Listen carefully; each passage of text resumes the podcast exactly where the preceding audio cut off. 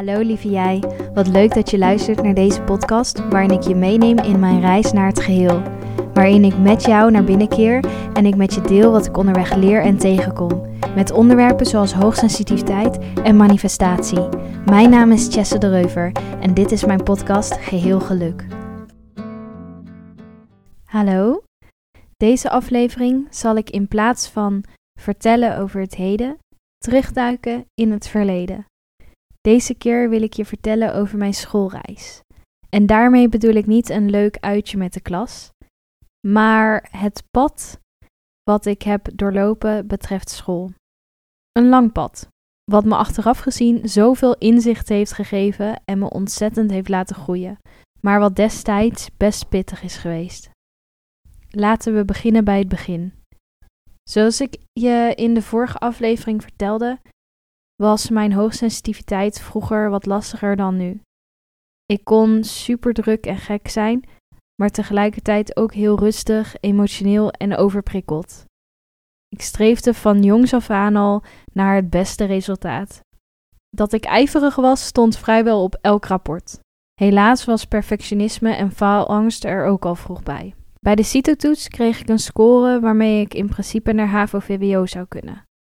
Maar mijn lerares zei wel dat ze niet wist of dat slim was, gezien mijn hoge stressgehalte. Ze noemde me ook wel een stresskip. Ik stresste toen namelijk al erg veel.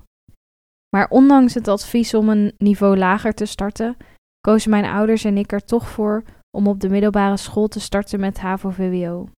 Dit ging volgens mij best oké. In leerjaar 2 werd er vervolgens onderscheid gemaakt tussen HAVO en VWO. Voor mij werd dit HAVO. Ik deed mega mijn best, begon na school meteen aan mijn huiswerk en was vaak wel tot tien uur s'avonds nog aan het leren. Ik haalde vrijwel geen onvoldoendes, was een van de weinigen die nooit afkeek, maar was nooit echt tevreden. Dit omdat ik voornamelijk zessen en zevens kreeg, terwijl mijn streven altijd en nog steeds het behalen van een 8, 9 of 10 is. Nu ik dit zeg, besef ik me hoe belachelijk dit eigenlijk is. Een collega zei me laatst dat hij altijd ging voor een 6. Harder leren om hoger te scoren dan dat is namelijk volgens hem tijdsverspilling. Het gaat er uiteindelijk om dat je de toets haalt. En dat doe je met een 6. Puntje bij paaltje kijkt je mogelijke werkgever waarschijnlijk alleen naar je diploma en niet naar je cijfers. Maar goed, ik was veel eisend en werkte hard. Ik stresste veel. Ik heb semi-verplicht een faalangstcursus gevolgd, maar dit heeft niet heel veel geholpen.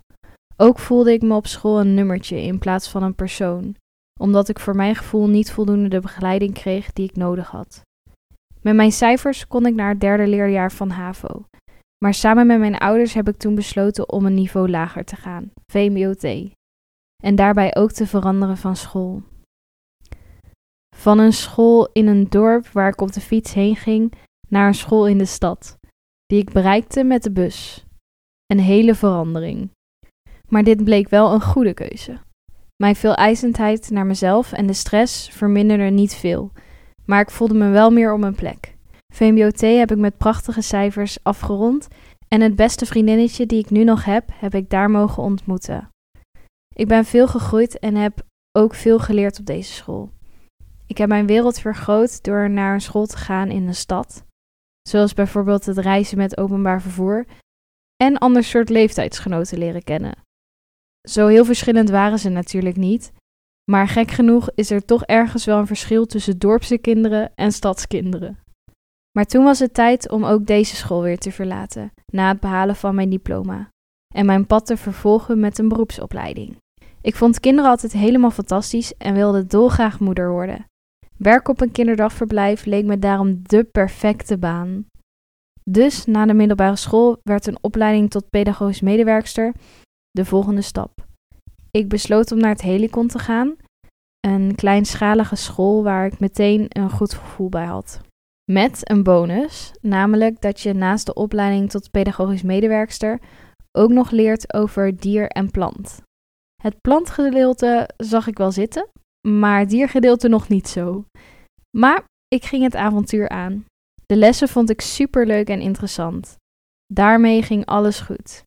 Totdat vrij snel stage begon. Stage vind ik oprecht een heel slim concept. Je leert echt in de praktijk, ziet hoe het op de werkvloer gaat in plaats van in de klas en ontdekt wat het beste bij je past in het werkveld. Helaas gaf stage voor mij ook behoorlijke stress en onzekerheden. Daarbij merkte ik door verschillende dingen dat de opleiding wellicht toch niet helemaal bij me paste.